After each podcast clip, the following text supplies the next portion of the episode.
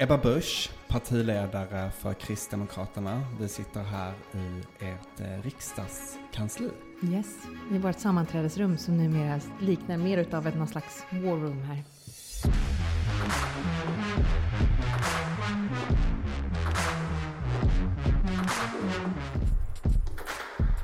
Det här är Svenska Dagbladets Utfrågningen med Erik Nilsson och Inger Arnander. Åtta partiledare intervjuas inför valet den 11 september. Är kärnkraft Kristdemokraternas enda väg till minskade koldioxidutsläpp? Vem ska bestämma vilka förlossningskliniker som behövs och inte? Och vad skulle egentligen göra Sverigedemokraterna regeringsdugliga i Ebba Buschs ögon? Du tycker ju att Sverigedemokraterna inte ska ha några ministerposter i er tilltänkta regering. De är oerfarna, har du sagt. De tycker inte lika som ni gör i alla frågor. En regering måste tycka lika i alla frågor, eh, har du sagt. Kan Sverigedemokraterna någonsin bli aktuella i regeringsställning då? Jag tror inte att man kan utesluta det någon gång, men eh, svaret är nej. Vilket eh, är det nej till? De kan någonsin de kan bli aktuella? nej, men, nej, men det, det, det, är klart att det inte går att utesluta, eh, utesluta långt, långt fram. Ehm, men det är, inte där vi är, det är inte där vi är nu. Så för den kommande mandatperioden så är svaret nej. Vad krävs då för att de ska bli aktuella? Nej, men jag, mycket har ju hänt. Man kan säga så här, det är både väldigt mycket som har hänt och ingenting som har hänt så att säga. Mycket av vår grundläggande kritik och synpunkter kring en del av Sverigedemokraterna och en del uttalanden, den kvarstår ju.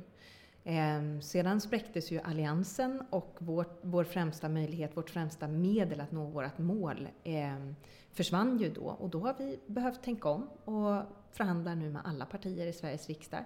I och med det så har ju också eh, Sverigedemokraternas erfarenhet utav att samarbeta med andra partier, den var ju icke-existerande förut i och med att alla andra partier satt i sandlådan och ville inte prata med dem. Så det är klart att det har, det har ändrats och det är mycket lättare att hitta varandra i sakfrågor som kan göra skillnad för, för Sverige framåt. När Men, blir de tillräckligt erfarna då? Ja, där är vi inte nu. Men eh, om fyra år, om ni får bilda regering och de har varit med i fyra år som underlag, räcker det för att bli tillräckligt erfaren och vara med i en regering? Men då är vi tillbaka i liksom, diskussionerna som lite grann var förra valet också. Ska man resonera i vad som händer om, om, om himlen faller ner så att säga? Eh, och vi, vi är inte där nu. Och jag, jag har full förståelse för att det är spännande att liksom söka rubriker på om, om SD kan komma in i, i eh, regering. Men jag tror att det bästa för Sverige vore KD och M i regeringsställning. Vi har samarbetat ihop under de här åtta åren i opposition. Eh, vi vet vad det innebär att sitta i regeringsställning och den, den typen av konsensusbeslut. Jag tror också att det finns stora fördelar för SD att sitta utanför men ändå påverka. Vilka principiella skäl finns det för att de inte skulle kunna vara med? Ja, men vi har ju olika, en del olika eh, ingångar till politiken som fortfarande är värderingsmässiga. Eh, Kristdemokraterna och Moderaterna är två tydligt utpräglade borgerliga partier med den grundläggande människosynen, med den grundläggande synen på statens kontra individens eh, ansvar till exempel. kring, den, kring gemenskap, samhällsgemenskap i Sverige men också internationell solidaritet. Och där har vi olika tyngdpunkt som gör det lättare eller svårare att då sitta i en regering som ska fatta beslut i konsensus. Du sa att det kan finnas fördelar för Sverigedemokraterna att inte sitta i regering. Mm. Vad är det för fördelar? Ja, men titta till exempel på Vänsterpartiet ganska effektivt har utnyttjat sin möjlighet att både kunna eh, påverka politiken och eh, ta ära för en del vinster. Eh, men också då ja, till del kunna slippa ta ansvar för, för en del och ha lättare att markera sin särprägel än vad man har när man sitter i regeringsställning. och även fälla en regering? Ja, absolut. Kan inte det vara ett problem då för er? Jo, men jag tror ändå att fördelarna överväger, eh, överväger nackdelen. Mm. Eh, ett förslag som Sverigedemokraterna har presenterat är att barn och ungdomar eh, ska kunna få så kallade förminskande straff. De har som exempel sagt att nioåringar ska kunna skura toaletter på deras egna skola. Vad tycker du om det förslaget? Jag tycker att det är ett dåligt förslag och jag tycker att vi har betydligt bättre förslag för att försöka fånga upp unga som har hamnat snett i livet tidigt. Både genom att stötta föräldrar till att eh, bli bättre på att sätta gränser för sina barn så att man överhuvudtaget inte hamnar där. Eh, men också i att ja, gör man sig skyldig till, till ett allvarligt brott så måste det också få konsekvenser. Eh, Varför är det då dåligt, förslaget? Eh, därför att vi, jag tycker vi har bättre förslag helt enkelt. Är det helt eh, odiskutabelt eller det är, går inte att förhandla det här förslaget? Nej, det är någonting som jag, uppfatt, jag uppfattar att vi har väldigt lätt att egentligen hitta varandra på både frågor som rör energiförsörjning, drivmedelsfrågor, som rör migration och som rör rättspolitik. Vi tycker inte lika i alla enskilda förslag. Och här förstår jag, jag förstår vad syftet är, men jag tror att utfallet blir, blir fel. Och dessutom så, vi har samhällstjänst i andra sammanhang och sådär. Men, men att sona sitt brott bör inte bygga på förnedring. Och jag tycker att, eh, att städa och att vara lokalvårdare, det är i allra högsta grad ett, ett eh, väldigt hederligt arbete. Kan det inte vara effektivt att använda skam och förnedring som ett sätt att eh, bryta ner statusen för de här ungdomarna och barnen som... Men det tror jag man gör genom att bryta ner statusen i att vara, i att vara kriminell. Till exempel att göra det lättare att beslagta bilar, klockor, kläder som man inte kan redovisa för vilka pengar man har köpt eh, de här delarna i. Och om jag får önska så skulle jag gärna vilja lyfta några utav våra förslag så här 6-7 minuter in i intervjun och inte bara SDs förslag. Till slut då när det gäller SDs lista, även om du tycker att eh, det här förslaget är dåligt, finns det andra förslag som du tycker är lika omöjliga? Ja, som? Det kommer ni märka i en förhandling. Eh, nej men så här, jag har gjort nio år som kommunpolitiker och förhandlat budgetar. Eh, det är väldigt tydligt, tycker jag, vad vad som är våra viktigaste frågor. Ehm, att vården är en absolut hjärtefråga, landsbygden. Vi har flera tunga förslag vad gäller rättspolitik och migration och energiförsörjning. Ehm, och så finns det mer och mindre sannolika förslag från de andra eh, att få igenom. Men eh, jag tycker att det är bättre att sköta det i en regelrätt förhandling. Då har man större förutsättningar att vinna. Mm. Even when we're on a budget we still deserve nice things. Quince is a place to scoop up stunning high-end goods for 50 to 80% less than similar brands. They have buttery soft cashmere sweaters starting at $50, luxurious Italian leather bags, and so much more. Plus, Quince only works with factories that use safe, ethical, and responsible manufacturing. Get the high-end goods you'll love without the high price tag with Quince. Go to quince.com/style for free shipping and 365-day returns. Sverige är världsledande i klimatomställningen och det ska vi fortsätta vara. Så står det i ert valmanifest. Eh, när vi intervjuade Jimmy Åkesson just eh, för några dagar sedan så såg han inte klimatförändringarna som en akut kris. Vad tycker du? Är det en akut klimatkris? Ja, det är det. Vi ser ju följdverkningar utav förändringar i klimatet. En del naturliga, en del väldigt tydligt kopplade till eh, människans påverkan. Andra vet vi inte med säkerhet. Men det vi vet är att vi ser förändringar och att eh, vi kan göra mer för att påverka människans avtryck. Och göra mer för att hålla fast i det vi har kallat för förvaltarskapstanken, det ansvar vi har för att lämna vidare inte bara vår ekonomi utan även våra jordens resurser i, till, till nästa generation. Mm. Ehm, och vi förhåller oss också till, till det mål som är satt om att vi till 2045 ska ha ett, ett netto-noll-utsläpp.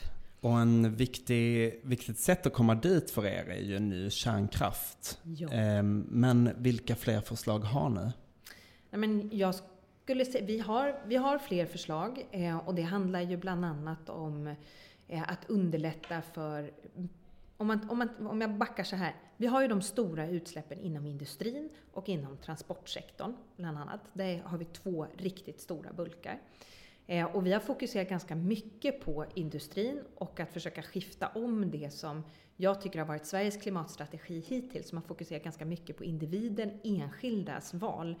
Enskilda ska känna flygskam, enskilda ska överväga om man verkligen ska göra den här bilresan. Eh, och vi som människor, enskilda, kan göra skillnad, men det är inte där det, det stora utmaningen för Sverige är. Det är inom industrin och politikens ansvar att möjliggöra för industrin att ställa om. Och sen inom transportsektorn, att fler ska ha möjlighet, trots mindre plånböcker, att kunna köra bil på, på el. Så där har vi lagt stort fokus. Men så vilka fler förslag har ni förutom kärnkraften då? Kraftig utbyggnad utav antalet laddstolpar fortsätta hålla i eh, och utveckla bilbonusen. Eh, inkludera då även eh, en bilbonussystem för begagnade bilar så att man inte säljer dem vidare på andrahandsmarknaden i Norge, vilket har varit en, en, en stor fråga. Men jag vill understryka att med vårt förslag om att ta fram en separat lagstiftning för att möjliggöra för stora industrier att få sammanhållna tillståndsprocesser. Den är väldigt uppdelad och fragmentiserad mellan kommuner, länsstyrelser och så den nationella nivån. Olika lagstiftningar står emot varandra ibland i en del utav tillstånden de behöver. Det innebär att SSAB som står för en tiondel, 10 procent av Sveriges totala klimatuts, eh, eh, koldioxidutsläpp, en tiondel kan försvinna. Det motsvarar ungefär hälften utav alla utsläpp ifrån hela privatbilismen. Ehm, det är ju enorma storheter. Så, så jag tycker vi gör rätt som lägger så stor tyngdpunkt både då på den typen av underlättande kring regelförändringar och processer, men också då kärnkraftens betydelse för att de ska kunna ställa om. Du nämnde ju nyss att du eh, räknar med att Sverige ska nå målet om att ha netto noll utsläpp 2045. Men nu har ni ett antal förslag, tillfälliga eller permanenta, som innebär att det blir billigare att köpa fossila bränslen. Det blir billigare att eh, eh, köpa el och så vidare. Hur ska man nå det där målet som är uppsatt om man kommer med förslag som minskar förutsättningarna? För det första så finns det ju indikationer på vad gäller bilismen att just nu så tvingas människor köra bil ändå men det gröper bara ur hushållskassan ännu mer. Det är barnens eh, möjlighet att spela fotboll eller rida eller åka på läger eller åka på semester med familjen, hälsa på farmor, mormor. Det är det som ryker just nu. För man är ändå, man okynneskör inte så att säga. Men ja, vi har gjort beräkningar som visar på att på kort sikt så innebär våra förslag kring sänkt reduktionsplikt, sänkt krav på inblandning utav biobränsle i diesel ökade utsläpp. Men om vi stannar av Sverige de, de kommande åren genom att driva en klimatpolitik som inte är hållbar på lång sikt, då kommer vi att få större problem. Då kommer vi få svårare att ställa om långsiktigt om vi då minskar vår konkurrenskraft, om vi minskar hushållens stöd för att vara med på den här resan. Så att på kort sikt så finns det risk för att man ökar utsläppen. På längre sikt så ökar vi chanserna för Sverige rejält att minska utsläppen kraftigt jämfört med den sittande regeringen. Så du menar att vi ökar utsläppen nu för att det ska bli lättare att minska dem sen? Jag tror det, det handlar dels om den, det resonemanget bygger dels på den folkliga förankringen. Ska vi kunna ha ett fortsatt stöd för att Sverige ska vara offensiva och världsledande i klimatfrågan, då måste vi kunna visa på att politiken gör det på ett sätt som inte bygger på att politiken kan luta sig tillbaka. Men det är vanligt folk som ska få ta, ta notan och avlatsbreven för att svenska toppolitiker ska kunna åka på internationella klimatkonferenser och, och slå sig för bröstet. Låt oss ta tag i den här frågan om hur industrin och transportsektorn ställer om. Jag menar att Sverige inte har gjort det. Vi har ingen, vi efterlyste konkreta förslag här tidigare ytterligare. Vi har ingen realistisk plan för omställning utav flyget till exempel. Det har Norge, den borde vi kunna ta efter. Det finns flera utav våra inrikessträckor som skulle kunna flygas på el, men vi har ingen vettig plan för hur vi skulle kunna nå dit. Vi byter ämne.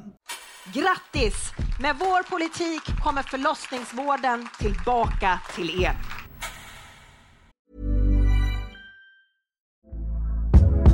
Hey there, it's Michelle Norris. I'm host of a podcast called Your Mama's Kitchen. When I travel, I'm usually looking for a way to find a taste of home when I'm not at home. And one of the things I love to do when I am at home is entertain. And Airbnb allows me to do that. When I was in California recently, I rented a house that had a great kitchen. And when we were sitting around the table, we're all thinking, we're in someone else's house. Someone could be in all of our homes as well. If you have a home, but you're not always at home, you have and Airbnb. Your home might be worth more than you think. Find out how much at airbnb.com/slash host.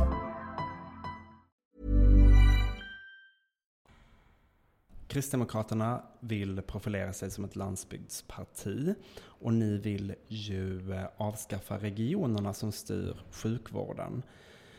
Eh, är det bättre att, eller ska tjänstemän och politiker i Stockholm bestämma om en förlossningsenhet i Västerbotten ska läggas ner eller inte? Nej, jag, det här förslaget bygger på att, att politikerna, fritidspolitikerna, regionpolitikerna, de över 5000 sådana som vi har, de ska ut ur vården och vårdprofessionen ska in. Ehm, vi har tittat mycket på Norge och Danmark som har gjort det här. Där är inte vårdköerna någon naturlag som det ibland låter i den svenska debatten. De har inte alls så här långa vårdköer och där är det mycket mer utav proffsen på styrning och, och vårdprofessionen som styr. Man skulle kunna tänka sig sex stycken regionala utförarorganisationer där vi då inte har fritidspolitiker som styr utan det är proffs på, på vård och vårdprofession som då fullföljer de nationellt uppsatta satta målen. Vem är det då som ska fatta de här besluten om ett sjukhus eller en enhet ska läggas ner eller inte? Det, det riktigt tråkiga men ärliga svaret är att delar av det här behöver Sverige utreda. Det behöver vi också förhandla ihop med, med andra partier därför att vi kan inspireras mycket tror jag ifrån Norge och Danmark men förutsättningarna är inte exakt lika och exakt var gränserna ska gå någonstans det kommer en utredning behöva titta på. Men det är klart att vem som blir socialminister, vem som blir sjukvårdsminister framöver kommer bli väldigt mycket viktigare än så som vi haft det till och med under en global pandemi där det har gått att komma undan som socialminister och säga det här är inte mitt ansvar, vi har 21 olika regioner. Trots att i delar eh, krishanteringen har varit fullkomligt havererad så har ju regeringen då bara fortsatt att skylla på regionerna. Mm. Men eh, ser du inte framför dig att makt faktiskt flyttas längre från medborgaren? Väldigt många vet ju faktiskt inte riktigt vad det är man röstar om i regionvalen. Många, eh, det finns ju studier som har visat på att många tycker att det är svårt med ansvarsutkrävningen med den organisation som finns även idag. Eh, men framförallt så är det ju, om man viktar de nackdelar som eventuellt finns med att då inte ha förtroendevalda på regional nivå, så skulle jag säga att fördelarna med att inte ha ett så fragmentiserat system för högspecialiserad vård och en, en grundorganisation som har 160 år på nacken, de fördelarna överväger vida de eventuella förtroendevalda mm. problemen. Mm. Så att det blir, blir det bättre eller lättare för väljarna att ansvarsutkräva om det är på nationell nivå? Jag tror många som tittar på till exempel partiledardebatterna, de, de följer ju vad är förslagen egentligen för vården? Ehm, och sen tänker nog inte på att sen så ska ju det där egentligen ske på regionnivå. Ehm, så på ett sätt så tror jag att ansvarsutkrävningen kan bli lättare ehm, för att det inte blir ett lika, lika snårigt system. Men det är inte det jag kan absolut tillstå att det finns brister med att inte ha direkt förtroendevalda i den enskilda regionen. Men, men eh, jag tror att fördelarna med tydligheten vem som är ytterst ansvarig och framförallt att högspecialiserad vård ska inte beslutas utav fritidspolitiker i 21 olika regioner. Det är ineffektivt, man nyttjar varken personalresurserna tillräckligt effektivt eller den tekniska utrustningen och det innebär ju också då till exempel att vi inte har någon sammanhållen plan för vad en födande kvinna i Sverige kan förvänta sig av förlossningsvården. Och att vi inte har något gemensamt journalsystem till exempel. Vi har ju väldigt många olika, det är ingen som med säkerhet kan säga hur många olika journalsystem vi har. Och det är ju en, det är en patientsäkerhetsrisk faktiskt. Vi byter ämne igen. Sen är det lite gråzon skulle jag säga kring enskilda kandidater. TV-programmet eh, Kalla fakta, TV4-programmet Kalla fakta, hade nyligen ett program där de visade att företrädare för flera partier var beredda att eh, göra arrangemang för att gå runt eh, den lag som gäller hur mycket ekonomiska bidrag man får ge till ett parti. Kristdemokraterna var också inblandade i det här. Det fanns idéer om hur man skulle kunna ge till flera kandidater till exempel, eller kanske något bidrag varje dag eller sådär.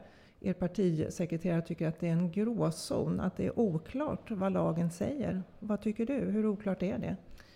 Nej, vi har ju flaggat upp och de här resonemangen har varit del utav sådant som min partisekreterare och min biträdande partisekreterare eh, har flaggat upp till Kammarkollegiet. Eh, att här finns det kryphål i tillämpningen av lagen. Och då behöver man ju se inte bara vad lagen förbjuder utan också vad moralen påbjuder. Det vill säga att se till syftet med lagstiftningen. Och det är ju också anledningen till att vi landade i, eller mina medarbetare landade i efter möte med den här potentiella eh, donatorn som då var en wallraffare från TV4, att det upplägg som han föreslog inte hade varit förenligt med regelverket. Vi hörde ju alla i programmet hur dina företrädare, som du säger, själva hade olika idéer om hur man skulle kunna göra. Vad tycker du om det då? Det var del av bland annat ett resonemang om eh, vad, vad lagen, hur, de, de ska man säga, kryphål i lagen som vi också har flaggat upp till, till Kammarkollegiet. Eh, men hade man gjort på det sättet, det hade vi bedömt och bedömde de eh, inte hade varit förenligt med lagens intentioner. Det vill säga att man ska kunna vara trygg med att vi inte har enskilda personer eller företag som med hjälp av pengar också köper sig påverkansmöjlighet på politiken. Du nämnde ordet moral nyss. Tycker du att dina företrädare uppvisade en god moral i den här frågan, det som vi har sett på TV? Ja, jag vill understryka att de efter det här mötet alltså hade eh, möte med varandra, gick igenom upplägget och konstaterade att det här är inte förenligt med regelverket. Varför vi, tog de ens ett möte då? Det är ju den här personen som pitchar och föreslår det här upplägget. Och Han bjöds ju in av er företrädare på lunch. Ja, vi tar gärna emot donationer i enlighet med regelverket. Men han talade ju om innan vad han ville ge. Att det var en mycket större summa än vad som är tillåtet. Nej, att han var intresserad utav att ge, men eh, att eh, vi då hade behövt, då hade han ju behövt vara öppen med att det var han som gav. Så i din mening är detta snövigt från er sida sett?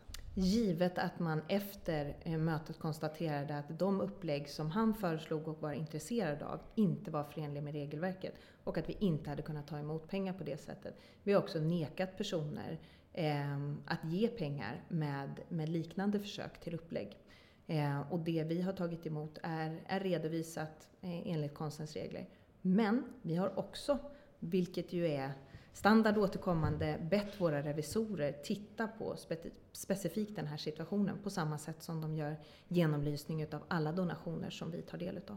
Sist, för ett tag sedan, så initierade du ett, ett så kallat abortkontrakt med Sveriges kvinnor där du uppmanade alla partiledare att intyga på att ni alla står bakom eh, svensk abortlagstiftning. Ja. Vem har skrivit på?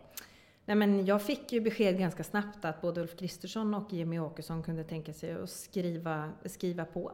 Eh, och sen dess har, så har frågan dött lite grann i och med att jag fick så kategoriska nej i, ifrån, eh, ifrån framförallt eh, vänstersidan. Och det beklagar jag därför att jag tror att det hade varit ett styrkebesked för omvärlden när, när det skälver så i en, i en kvinnorättsfråga, i en, i en väldigt viktig fråga för väldigt många kvinnor världen över. Eh, så hade det varit ett styrkebesked att kunna visa att Sverige, mitt i en brinnande valrörelse, kan visa att den här frågan är alltså inte en del utav valet utan åtta av åtta partier i Sveriges riksdag står bakom abortlagen. Skrev de på Åkesson och Kristersson? Nej, alltså jag, jag försöker inte göra saker och ting för, för show så att säga. Så att eh, när den frågan avvisades så hårt ifrån de andra. Men eh, jag menar, skulle någon säga att jo men det här vore ett starkt styrkebesked att ge för övriga omvärlden. Vi är intresserade av att skriva på. Då vet jag att Jimmy Åkesson och Ulf kommer göra det så att säga svart på vitt också. Tack så mycket Ebba Busch. Tack själv.